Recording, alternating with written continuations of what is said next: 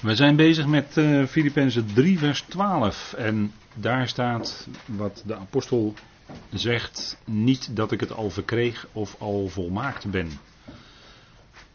En dat is natuurlijk een feit. Hè? Wij zijn in Hem inderdaad volmaakt en God ziet ons als onbeschuldigbaar, zeker. En als we kijken hoe nu ons aardse leven hier is, dan hebben we ook diezelfde ervaring als de apostel.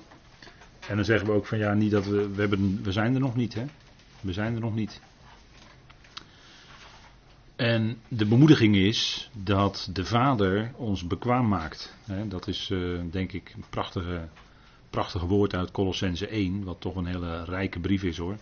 Heel rijk.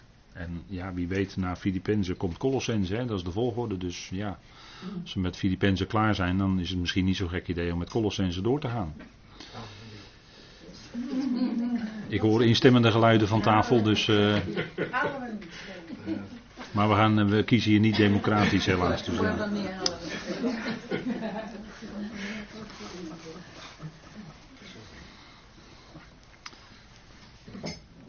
Maar goed, we hebben, we hebben meer bemoedigingen. We zijn onderweg, hè? En onderweg is het zo fijn als je die bemoedigingen hebt uit het woord. Omdat je er soms wel eens als mens moedeloos van zou worden. Of. Uh, Tegenwoordig zeggen we dan op, op zijn modern uh, Nederlands: Ik ben er helemaal klaar mee. zo, die, ja, ja, u lacht, u kent die uitdrukking ook wel.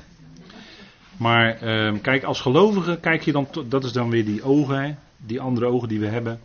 Je kijkt er daar toch ook weer anders tegenaan. He, want als je leden bent van het lichaam van Christus, dan is het zo dat wij zouden die eenheid die er is, die is er, die hoeven wij niet te maken. Want dan wordt het kunstmatig. Maar die eenheid die is er met iedere gelovige in Christus. Die geestelijke eenheid bedoel ik dan. En die zouden wij bewaren, zegt Paulus in uh, Efeze 4, met de band van de vrede. En dat daarvoor, en, en dan heeft hij het ook over uh, ootmoedigheid. Hè? Dat is dan het eerste wat hij noemt. want kijk, als het gaat om medeleden van het lichaam van Christus. Ja, dat zijn medeleden. Dat zijn ook leden van datzelfde lichaam. Dus het ene lid kan eigenlijk niet tegen het andere lid zeggen: Nou, ik, met jou ben ik helemaal klaar mee, uh, weg. Nee, dat, dat, gaat niet. Dat gaat niet. Uh, want uh, het, het, gaat erom dat we ootmoedig zijn. Hè? Dat is het eerste woord dat Paulus in Efeze 4 gebruikt voor, ons, voor onze wandelaanwijzing. En dat we met zachtmoedigheid, hè, dat woord gebruikt hij dan ook, hè, met zachtmoedigheid, die vrede, elkaar de band van de vrede heeft hij het over. Vrede, verzoening uiteraard. Hè? Dat spreekt voor zich na Efeze 2. En, en dat is wat Paulus ons dan meegeeft. Hè? Uh, en, en we zijn onderweg. Hè? We zijn onderweg met elkaar. En dan beseffen we ook als hè, de, de, gemeente in Korinthe ook dat piepte en dat kraakte in de, in de, aan alle kanten in de voegen natuurlijk. Hè? Schismata enzovoort. Hè? 1 Korinthe 11. Er wordt gesproken over schismata. En dat was te merken bij de maaltijden die ze daar hielden. Dat was heel anders dan dat wij doen hoor. Heel anders. Dat was een agape, dat was een liefdemaal. Er werd uitgebreid gegeten. En, uh, nou goed, daar ga ik nou niet verder op in. Maar die waren daar ook. En ja, er waren, dan, was er ook dat gedrag van die Corinthiërs. Nou, nou, nou, jongens, jongens. Ja, ja, ja. Dat is allemaal wat, hè. Maar ja, het zijn toch allemaal leden. Hè, daar ga je a priori vanuit. Daar ga je op voorhand vanuit. Dat het allemaal leden zijn van hetzelfde lichaam. En dan gaat het erom dat je dus met elkaar. Ja, en dat is, dat is, dat is lastig, dat is moeilijk vaak. Dat is uh, kraken en piepen. En, en, en, en dat is wat Paulus ook zegt. Hè, niet dat ik het al verkregen of al volmaakt ben. Hè, hier in het ondermaanse is het volmaakte nog niet. Nee, we zijn op weg. Maar wat, wat wel een feit is, en dat is een stukje bemoediging denk ik. En, en wat ook een bepaalde reden, denk ik, ook wel heeft, dat wij een aanbetaling, hè, staat op deze dia, we hebben een aanbetaling van de geest ontvangen. Hè, uh, dat woord, uh, in het Grieks wordt het woord araboon voor gebruikt. Uh, in Efeze 1, vers 13. Maar u vindt het, dezelfde gedachte ook terug in 2 Korinthe 1, vers 22. en in 2 Korinthe 5, vers 5. Daar wordt hetzelfde woord allemaal gebruikt in combinatie met de geest. Dus we hebben een aanbetaling van de geest ontvangen. Dus we hebben, een, we hebben een deel van die geest. Straks, als de bazuin geklonken heeft, gaan we dat in volheid ontvangen. Maar daar hebben we nu een aanbetaling van. En straks krijgen we zeg maar het volle pond. En God geeft ook aan een ieder een mate van geloof, zegt Romeinen 12. Hè? Dat is een hele bekende tekst. Maar daar zouden we ook onderling mee rekening houden met elkaar. Hè? God geeft aan een ieder een mate van geloof. En in dat woord mate, daar zit een beperking in. En dat geldt voor ieder lid van het lichaam van Christus. Wij hebben niet die mate van geloof die de Heer Jezus Christus had op aarde. Die, die zo wandelde en zo die diepe leidersweg kon gaan. Nou, Jezus Christus op aarde was ook een gelovige, net als wij. Alleen hij had een, een grote mate van geloof ontvangen. En kon die weg dan ook gaan. En wij, bij ons is het allemaal wat beperkter. En God is, dat zeggen we vaak tegen elkaar, God is met ieder lid van het lichaam van Christus op weg. En hij geeft ieder een mate van geloof. En het fantastische is dat al die leden, die zijn ook verzegeld met die geest. En zegel, dat drukt zekerheid uit. Dat we zeggen, dat is tot in de dag van de vrijkoping. Hè? Dus al die leden gaan ook die dag van de vrijkoping meemaken. Er is niemand die onderweg afvalt. We kennen geen leer van de afval van heiligen of zo. Dat, dat bestaat niet hè, bij het lichaam van Christus. Want je kan je toch niet voorstellen dat de Heer van zijn eigen lichaam één lid zou verliezen onderweg. En dat hij het achter zou laten. Dat kan je toch niet voorstellen. He, dan trek ik het beeld misschien even wat letterlijk door. Maar u begrijpt wat ik bedoel, hè? En dat is ook die geest waarmee we verzegeld zijn. Dat is naar binnen de dag van de vrijkoping. Dat is bemoedigend als je dat weet. En het is ook een. God laat ons nog in een zekere beperktheid. Stel je voor dat we nu al die volheid van de geest hebben. Dan zouden we geen fouten maken, zouden we niet meer zondigen. En zouden we ons gaan verheffen boven andere mensen. Want die zondigen nog wel, die maken nog wel fouten. Maar het is juist, die dingen zijn juist in ons leven. En de Heer brengt ook en laat in ons leven soms dingen zitten.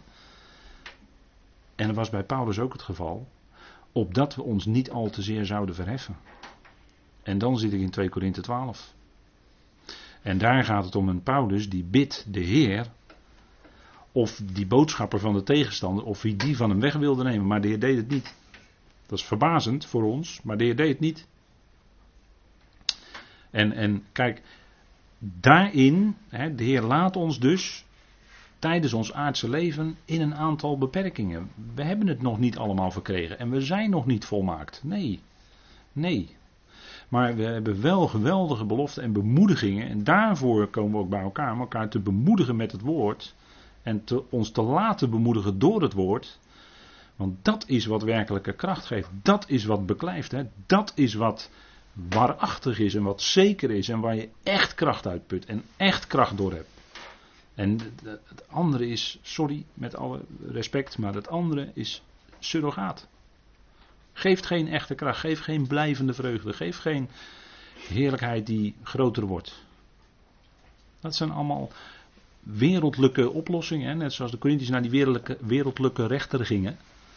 Zo stappen gelovigen ook soms naar, en dan denk je, ja, maar dat, moeilijk. Niet dat ik het al verkregen. Kijk, in 2 Korinthe 12, wat zei de Heer tegen hem? Mijn genade is je genoeg. Mijn genade is je genoeg, Paulus. En het was ook genoeg. In al zijn beperktheid, in al dat lijden, in al die moeite, al die tegenslag, al die. Noem alles maar op. Wat je in je leven kan overkomen. Hè. Dat weet u. Ieder voor, voor ieder persoonlijk is dat weer anders. Maar mijn genade is je genoeg. En dan, dan, dan, ja, als ik dat zo zeg, dan klinkt ook dat lied in mijn hoofd. Mijn genade is je genoeg. Want dat is dezelfde tekst van zo'n lied. Dat is een fijn lied. Maar genade is je genoeg, want dat is wat je ervaart in je leven. Dat is wat, wat als het moeilijk is, ja, ja, zeker. Maar de genade van God, de genade die de Heer geeft, is genoeg. En zelfs bij Paulus was het heel ernstig. Pijn en hartepijn, wie kent dat niet? Een verdriet, een pijn wat je in je hart meedraagt. En wat, wat, wat, wat misschien soms wel een zeurende pijn is. Dan is de genade van God toch genoeg. Zijn genade is genoeg. Hè? In, in uw, in jou, in mijn omstandigheden. Het is voldoende. Dat zegt de Heer. En dan is het ook voldoende. Hè? De, Heer zegt het. Het is voldoende. En Paulus die, dan zegt hij, geweldige apostel. Maar dan zegt hij toch, ik leerde. En wat leerde Paulus nou? In Filippenzen 4, laten we even met elkaar opzoeken. We zitten toch in de Filippenzen brief. Wat leerde Paulus? En dat is een, dan iets dat we gaandeweg denk ik ook met Paulus wel mee leren. Filippenzen 4 vers 11.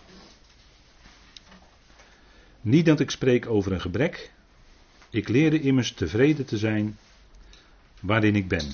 En dan hebben we als vertalers toegevoegd in de omstandigheden. Maar u ziet dat is in dundruk. Dat is alleen maar een gedachte van ons als vertalers. Maar u kunt ook gewoon lezen tevreden te zijn waarin ik ben. Dan heeft u echt de grondtekst. En dat is wat wij ook gaandeweg leren. als je jong bent, dan eh, wil je heel veel bereiken. Dan wil je carrière maar, weet ik wat allemaal, wat je wil. Want dan ben je jong en dan, heb je, zit je vol met kracht en vol met werklust en vol met uh, adrenaline en noem alles maar op. En, en wat heb je nog meer? Endorfine geloof ik, dat soort dingen. Maar gaandeweg leer je, en als je een geestelijk, geestelijk groeit, daar is geestelijke groei voor nodig, dat je tevreden bent. Hè, ja, overal wat te voor staat is niet goed. Ja, maar tevreden wel. Tevreden wel. Tevreden te zijn waarin ik ben. Dus ongeacht de situatie waar de apostel in was, hij had geleerd, het is genoeg. En hij had ook steeds genoeg. God voorzag, en dat is ook zoals God voorziet hoor. God voorzag in wat hij nodig had. Telkens weer. Ook al leek het even, nou wordt het heel precair, nou wordt het heel dun het lijntje. Maar toch voorzag God precies in dat wat nodig was. Exact. En misschien is dat ook wel uw ervaring. Als het in uw leven wel eens, uh, ja, ook misschien wel materieel heel minnetjes is geweest. Dat zou zomaar kunnen. Maar als je dan, eh, dan, dan zie je eigenlijk terugkijken, zie je denken dat God altijd net genoeg heeft gegeven dat je verder komt. En dan was het ook genoeg. En als je nou leert om daarin tevreden te zijn. Want we leven natuurlijk in de maatschappij van het meer, meer, meer. Maar gewoon tevreden te zijn met wat je hebt, de omstandigheden waarin je bent. Denk aan, aan, aan 1 Timotheüs 6, als we voldoende onderdak hebben en kleding en voedsel, dan is dat genoeg, zegt Paulus. En dat is ook genoeg. Want dat, dat is eigenlijk al heel veel hoor, dat je onderdak hebt. Hoeveel daklozen zijn er niet in de wereld? U zou schrikken als u het aantal zou horen. En wij hebben een dak boven ons hoofd. Wij hebben voldoende kleding. Hoeveel mensen zijn er niet die weinig of geen kleding hebben?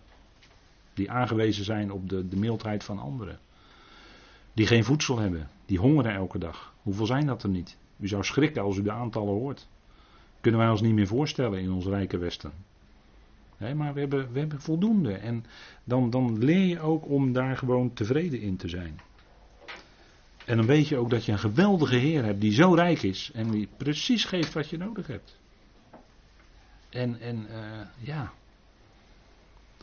Mijn genade is je genoeg, hè? Dat is natuurlijk een, een, een fijne bemoediging die we meekrijgen van de Heer. En dat, is, dat zijn die dingen die je wel eens een beetje uit het oog verliest. Hè? Als je getriggerd wordt door je omstandigheden en uh, dan is het moeilijk. En dan heb je de neiging als mens om alleen naar die omstandigheden te gaan kijken. Ja, en dan wordt het dan ga je een beetje naar beneden gericht denken misschien. U kent dat wel, die vicieuze cirkel. Maar dan heb je juist die bemoediging van het woord weer nodig. En uh, ja, dat is gewoon fijn dat, dat je dan weer kan, kan luisteren, dat woord kan opslaan en je daardoor laten bemoedigen. Dan komt er weer rust in je leven, dan komt er weer rust in je hart. En dan uh, ga je toch weer meer kijken zoals de Heer ernaar kijkt. Wij kijken altijd van, ja, hoe moet het nu verder met dit? En hoe moet het nu verder met dat? En dat is niet goed. En daar is te kort en daar is te lang. En noem maar op, hè, zo kijken wij. Maar de Heer voorziet. Hij zal geven wat nodig is. En dat blijkt ook elke keer weer als je je volle vertrouwen daarin op Hem stelt. Dan zul je ontdekken dat Hij je nooit teleurstelt. De Heer laat je nooit vallen. Nooit. Je kunt altijd bij Hem terecht. De deur bij Vader staat altijd open. Is nooit niet thuis. Is nooit, bij vader is het nooit van een neem de telefoon niet op. Maar hij is altijd, altijd een luisterend oor voor je. Waar je ook bent, of het midden in de nacht is, of overdag, of op de fiets of in de auto. Het maakt allemaal niet uit. Hè? En in die omstandigheden, dan kijk die vissen, die, hier, eh, die vissen op het plaatje. Kijk, die vissen die hebben een omgeving, waar ze ook zwemmen, er is altijd water. En zo is voor ons als gelovigen ook. Waar we ook zijn, er is altijd genade. Waar we ook naartoe gaan, of we nou naar Zuid-Afrika gaan of naar Zuid-Amerika, ook daar is de Heer en ook daar is zijn genade. En ook daar is die bij je. Het verandert niet waar je bent op welk werelddeel. En het verandert ook niet, wat de uitspraken van de apostel Paulus veranderen natuurlijk ook niet. daar is ook zijn genade. En daar ontmoet je dat ook. Die betrouwbare Heer. Hè? Want als je op Hem je geloof bouwt, zul je nooit te schande worden. Zul je nooit beschaamd worden. Dat zei de profeet al, maar Paulus herhaalt dat hè, in zijn brieven. En dat is geweldig, want dat is de ervaring van, van, uh, van velen inmiddels. Hè. Kijk, die Petrus, u kent die geschiedenis wel hè, van Petrus. En uh, ja, dan zegt u ja, ik lijk ook wel eens op een Petrus. Want ja, wat deed die Petrus? Die, die uh, kon, kon op het water lopen bij gelegenheid. Dat vinden natuurlijk de rationalisten, de Sadduceeën van deze wereld, die vinden dat natuurlijk bespottelijk, hè, op het water lopen. Maar natuurlijk heeft de Heer op het water gelopen. En toen hij aan, de Heer dat, toen hij aan Petrus dat vermogen gaf, kon Petrus ook op het water lopen. Dat gebeurde gewoon, hè? Dat, dat, dat staat daar natuurlijk. Maar hij kon op het water lopen zolang hij zijn blik gericht hield op de Heer. En toen ging hij kijken op de omstandigheden, de storm en de zee. En uh, joh, waar ben ik nou? En uh, toen begon hij te zakken, weet u wel. Maar toen zei hij ook, Heer, red mij. En dat was genoeg. En, en dat is wat wij als gelovigen ook wel eens doen. Dat we kijken naar de omstandigheden, dat we kijken naar de storm die weer tekeer gaat. En er is altijd tegenwind dan natuurlijk. En dan gaan de golven hoog. En dan, dan komt er ineens een stukje vrees en angst misschien wel in ons hart. Dat zou zomaar kunnen. Want we zijn gewoon mens. En ieder mens kent zo zijn angsten. Maar kijk, als je dan weer het, hè, het, die blik richt op de Heer. Hè, we zouden onze blik richten op Hem naar boven. Dan zie je ineens weer, hé, hey, dan, wordt je, dan je beeld wordt weer scherp. Dan ga je weer zien op Hem. Zoals Hij zich bekend maakt. En, en dat geldt voor ons als gelovigen nu, hè. Die geweldige waarheid die de Heer bekend maakt. De waarheid die we mogen horen door de brieven van Paulus. Dan, ja, dan zal ons die waarheid, want die waarheid, hè, het is algemeen principe, de waarheid maakt vrij. Dat is gewoon zo. En dan zal die waarheid, die doorklinkt, die geweldige waarheid, zal ons op dat moment weer verlossen van, van ja, en we, we kennen natuurlijk dat, dat, dat, die gevoelens van frustratie, dat het niet lukt zoals we ze graag zouden zien, dat het anders gaat dan we graag zouden willen. Uh, ja, dat, dat kan frustraties opleveren, natuurlijk. Maar als je blik gericht houdt en, en je laat aanscherpen steeds door die waarheid, dan zal dat je vrijstellen. Ook van de zorgen die we kunnen hebben. Dat is het uh, volgende plaatje. Kijk, Petrus die ging kijken op de golven, op de omstandigheden en hij zakte erdoor. Dat is natuurlijk een beeld, een voorbeeld. En terwijl de apostel Paulus zegt, en dat is heel wonderlijk hè, zorgt je om niets. Kijk, dat woord zorgen, uh, dat betekent letterlijk deel herinneren. En wat doe je nou als je je zorgen maakt? Dan ga je steeds iets, komt er steeds iets in herinnering. Je brengt je steeds iets in herinnering en dat houdt je voortdurend bezig. En daardoor gaan je gedachten zorgelijk worden. En dan kun, kan het zijn dat zelfs uh, je, je hart, je wordt er gespannen van. Je hart gaat sneller kloppen. En wat zegt de Heer dan? Misschien heeft u dat vandaag meegelezen. Let op de raven. Let op de raven die, uh, ja, die maken ze uh, dat voedsel. Ja, God zorgt eigenlijk dat ze voedsel krijgen. En dat is natuurlijk maar een simpel voorbeeld. Maar kijk, bij Petrus, Petrus zegt, werpt al je zorg op hem, hè? werpt al je bekommernis op hem. Hè? 1 Petrus uh, zoveel staat dat. Maar eigenlijk, als je wat, wat, wat scherper nog gaat kijken, dan zie je bij Paulus dat Paulus nog een stap verder gaat. Paulus die zegt in Filippenzen 4, en we zitten toch al in dat hoofdstuk. Hij zegt in vers 6, wees in niets bezorgd. Dat gaat eigenlijk een stap verder dan wat Petrus zegt. Hè. Petrus citeert uit de psalmen, hè, werpt al je bekommernis op hem. Maar in feite gaat Paulus nog een stap verder doordat hij zegt, wees in niets bezorgd. Met andere woorden, hè, dat woord betekent letterlijk deel herinneren. Laat je nou niet steeds datzelfde in herinnering brengen wat jou zo bezighoudt. En wat jij misschien wel probeert te veranderen, maar dat lukt je niet. God laat het zo. Totdat God het verandert. Hè? Maar God laat het zo. En ga nou niet proberen te veranderen wat je niet kunt veranderen bij die ander of in die situatie. Maar, Paulus wijst de weg, maar laat in alles jullie verzoeken, dat wat op je hart ligt, door gebed en door smeekbeden met dank bekendgemaakt worden bij God. En daar, dat dank, dat is nou het verschil met wat in Tenach staat. In Tenach staan ook geweldige teksten over gebed en dat je je hele hart kan uitstorten voor hem. Geweldig, moet je doen. Zeker. Maar er ontbreekt in de psalmen altijd de notitie van de dankbaarheid. Dat staat er niet. Er staat niet danken. Maar hier voegt Paulus daartoe, en dat is een bijzonderheid, met dankzegging bekendgemaakt worden bij God. En waarom kun je nou danken als je die verzoeken, dat wat op je hart ligt, wat je zo bezighoudt en waar je hart misschien wel letterlijk van tekeer gaat en waar je hoofdpijn van krijgt.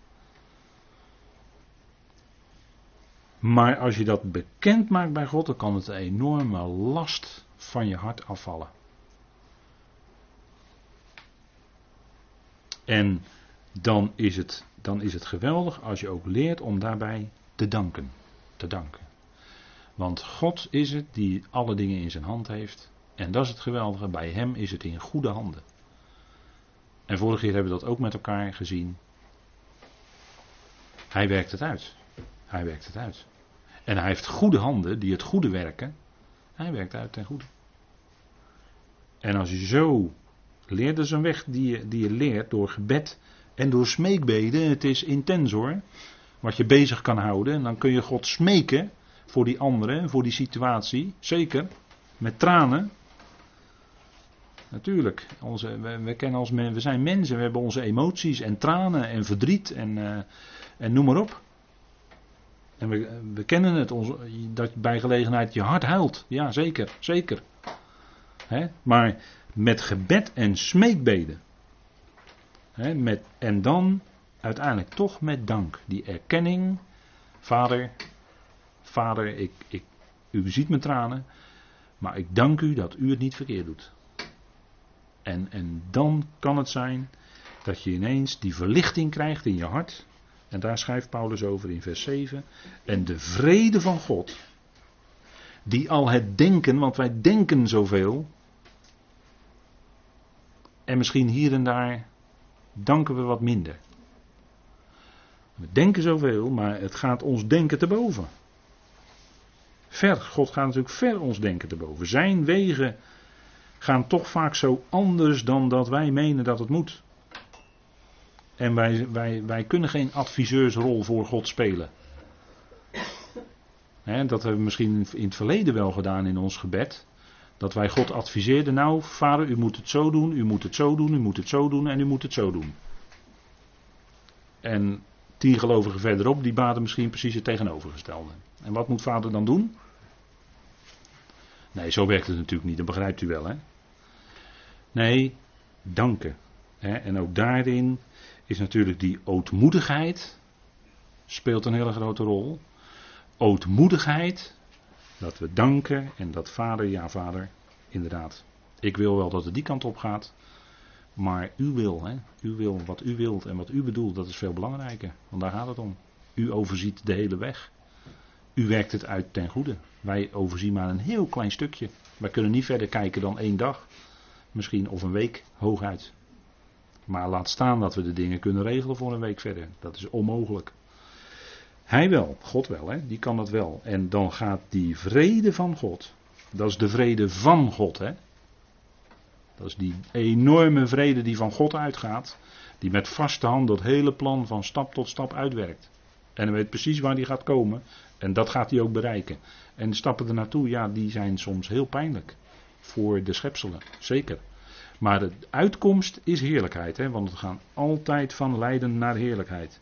En dat gaat ons denken te boven. En dat zal jullie harten en jullie gedachten, daar heb je ze weer, jullie gedachten, die zo met je op de loop kunnen gaan, verzekerd bewaren in Christus Jezus. Het beeld is van een vesting. Hè? En daarin Daarin, dat is het geweldige wat God geeft. En als die vrede in je hart neerdaalt, ja, dat is zo fantastisch. Ken je dat? Ja, dat is fantastisch hoor. Als die vrede in je hart neerdaalt. Ja, dat is iets geweldigs.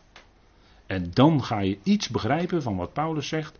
Zorgt je om niets. Dat is geen uh, roekeloze zorgeloosheid of uh, onverschillige zorgeloosheid. Natuurlijk niet.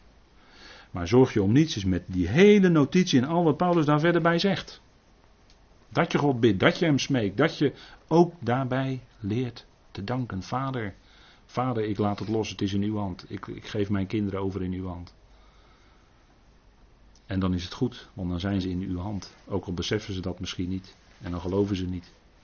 Maar ze zijn in uw hand. Ze zijn voor uw rekening. En zo is het. En dat is wat, wat we voor ogen houden. En dat we ook eens zelf persoonlijk als gelovigen zullen we voor hem gesteld worden. Hoe? Heilig en onberispelijk.